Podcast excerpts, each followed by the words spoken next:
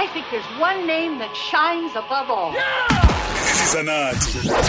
kunendida ngendodana eyazalwa ngaphambili kababa wayo. Yabulala umama wayo yaphinda yashadisa udade wabo omdala kunayo. Indida ukuthi amaphoyisa athi lensizwa ayinacala uthi umbuzo kanjani? Hayi sibo angikuzwa mina uqale phansi angikuzwa. A a kunendida ngendodana eyazalwa ngaphambi kababa wayo. Yabulala umama wayo yaphinda yashadisa udade wabo omdala kunayo. Indida ukuthi amaphoyisa athi lensizwa ayinacala. Kanjani? Eh, ayinacala. Basho njalo. Kodwa yabulala futhi. Eh. Ifike ibulala ah ibu- ibulala uma wayo. Uyazi lento yenza ukuthi umuntu ose o- o- o- ose boardroom aphume. Ya- O- o- yazalwa ofuna yazalwa ngaphambi kababa wayo. Yayisibulala uma wayo. Yayisishadisa udadewabo omdala. Kodwa amaphoyisa athi ayinacala sithi thina kanjani? Kwenzekeni la? Awukuchaze awuyichaze lempamba nkwiqi yalomndeni khona uthi uyazi nikhuluma isiZulu kodwa nginizwa ukuthi nithini kodwa nikhuluma ulimi lwami. Okay a- mhlawumbe ke sikusholo nangesilungu mhlawumbe futhi uzoyibamba kangcono. M- mhlawumbe kungenzeka ukuthi kukhona onga- ongacosha ke njengenjukede njengomuntu ke ngoba uyamphikisa usibutha ayikho lena show usibu okay There was a man who was born before his father, killed his mother, and ma- married his sister. Yet there was nothing wrong with what he had done. Why? Sifundiswa. Thumelela ke kunombolo yeke yethu ke ama voice note ethu kuzo 06 um, 071 613 thumelela i voice note yakho. Angithi uzwile ukuthi sitheni? Sithumelele i voice note yakho ku 071 613 7 Wazi kangakanani? Hashtag wazi kangakanani? Na kwi podcast uzokwazi ukuthi ke ubuye uthola lempendulo maduzane nje. Umbuzo weyikhathi zokugcina. Abathumela impendulo. In- indida hey. Asithandi ngisho umphathi eh, ka SAB no nokhozi ame ngoba na Bakwe. ningazami baphathi. Uprogram manager nimgade angazama ngoba naye angayithola kwehla isithunzi sakhe. Asibonto bani sibatholayo mroza.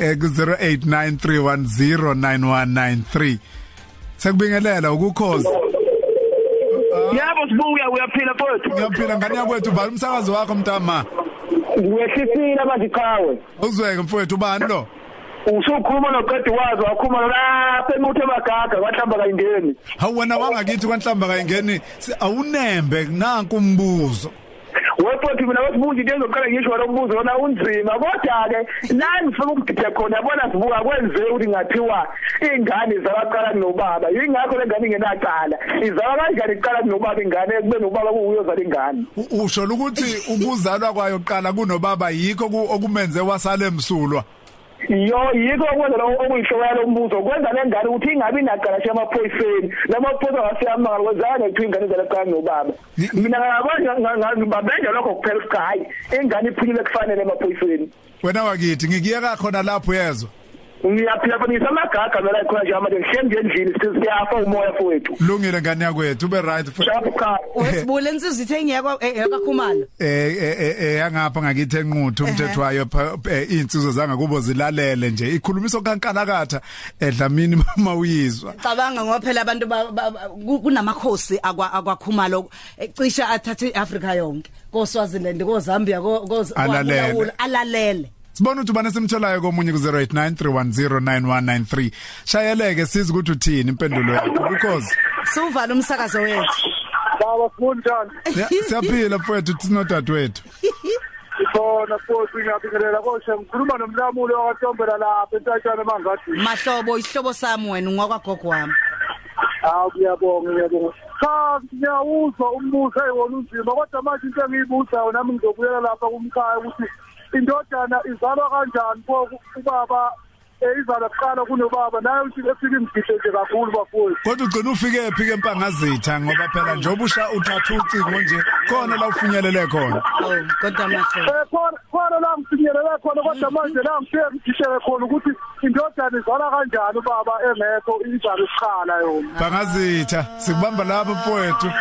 Kodwa mahlobo. Awuthi sidlule ngoba no line wakhe umuhle kahle mahlobo. 0893109193 sidlule kumahlobo. Siye komunye ukhosi sawubona. Yebo sawubona. Nayi inzuka yike inali ibhantshi lingenamkhono bathi ngikrayitheka ithi ngiyiphuthume nje masinyane iqanda lelo ehe. I- i- iqanda nesikhupha nesikhupha sayo indodana isha ya. ukusayo esingaphandle. Ukufa uku- ukufa kamama yilokho okungaphandle. Bese kuthi uyise wendoda uyise wendodana iqhude eliphilayo eliyinkukhu. Mana ke awiqale awuyiqale phansi. mngani wa uthi awiqale phansi. Sengizophelela umoya. Ya. eh iq- iqanda iqanda lesikhupha sayo singaphakathi sishada nodadewabo lo omhlophe ngaphakathi kuya- kuyahlangana bakuthoka ndawonye. Eh. bese kuthi bese kuthi lo okungaphandle igobolondo umama uyafa uyise uyise kabo- wendodana eh yilo oyiqhude eliphilayo okungukuthi uyaphila. Manje makuthiwa ufuna iqala iqala likho lapho ubani isibongo? zakhe kenzinjani umzolo lokhulumayo kuphi indawo? Useqwaqwa hey ezoro lapho eqwaqwa. Awuthi sikubambe khona lapho kuzimalanga ake sizwe ama voice note. Ake na sizwe. umzolo eze eze nolunye kudaba. Ake ngizwe. Sawubona bhuti Sibuni noSisi Mroza. Mina ngicabanga ukuthi umfana akanalo icala. Kungenzeka ukuthi umfana uzalwa ngaphandle ngoba unithe uzalwa before ubaba wakhe. Kungenzeka ukuthi umfana uzalwe ngaphandle wayese ethola udade wabo udade wabo wamshada kanti umama yena akazi ukuthi kuno- kunendodana ezalwa ngaphandle. Wayese eyaquleka ke masethola kanjalo. Uyazazi ibali uyazi number line uyayikhumbula number line. awuphinde le voice note ethembeka Sawubona, uyazi number line bhuti ibali Sibuni noSisi Mroza mina ngicabanga ukuthi umfana akanalo icala. Yeah kungenzeka ukuthi umfana uzalwa ngaphandle eh. ngoba unithe uzalwa before ubaba wakhe. Yeah. kungenzeka ukuthi umfana uzalwe ngaphandle wayese ethola udade wabo hayibo udade wabo wamshada. Hayibo kanti umama yena akazi ukuthi kuno- kunendodana ezalwa ngaphandle wayese eyaquleka ke masethola abone basequleka yangibulala angikaze ngizwe ukuthi umveli nqangi noma uNkulunkulu uhleka kanjani kodwa kuloko ngiyakutshela wena awungele sanibona khosini. Phelile insini usibongile lokhulumayo everelem ngeke sisimroza nini ubhoti sibu ayikwazi indodana ukuzalwa kuqala kunobaba. Ngiyabonga. Akasinike impendulo uye ya mashenge ngithi angibingelela lapho khosini uzakhele kwamsezane cha kule nkulumo yenu ngithi hayi ngithola kuyihaba nje. Mina mangibuka akekho umuntu ongathiwa ubulala unina maqede engabanacala. Kusetshenziswa ihaba lapho kusebenziswe nje ihaba. Kodwa kulokhu uthi wazalwa undodana ngaphambi kwayise kungenzeka vele phela indodana izalwe phambi kwayise uma ebuka izalwa phambi kwakhe. Ilokho nje ngikubona ngokwami. Ngiyabonga. Thank you. Futhi sibuni nawe sisumroza kubhlungu ikhanda manje ayikhona Eh impendulo yalana basakazi ithi ayikho indodana. Ezalwa ngaphambi kayise izozalwa kanjani phambi kayise ngoba izo ku- izobe indala kunoyise phela mayizalwa phambi kayise so kusho ukuthi icala alikho ngoba into engekho vele. Ukhuluma ngofashon kuyayiwe ezulwini uthi umama omeda u- usesaba nokuzama. Anga- angalokothi umkhuleko wakho nge- ngeke uphinde uthenjwe muntu. Angazange Eh, kodwa uku- ukhona kumlaleli eh oshaye khona. Empeleni eh uthobekile ushaye khona naye.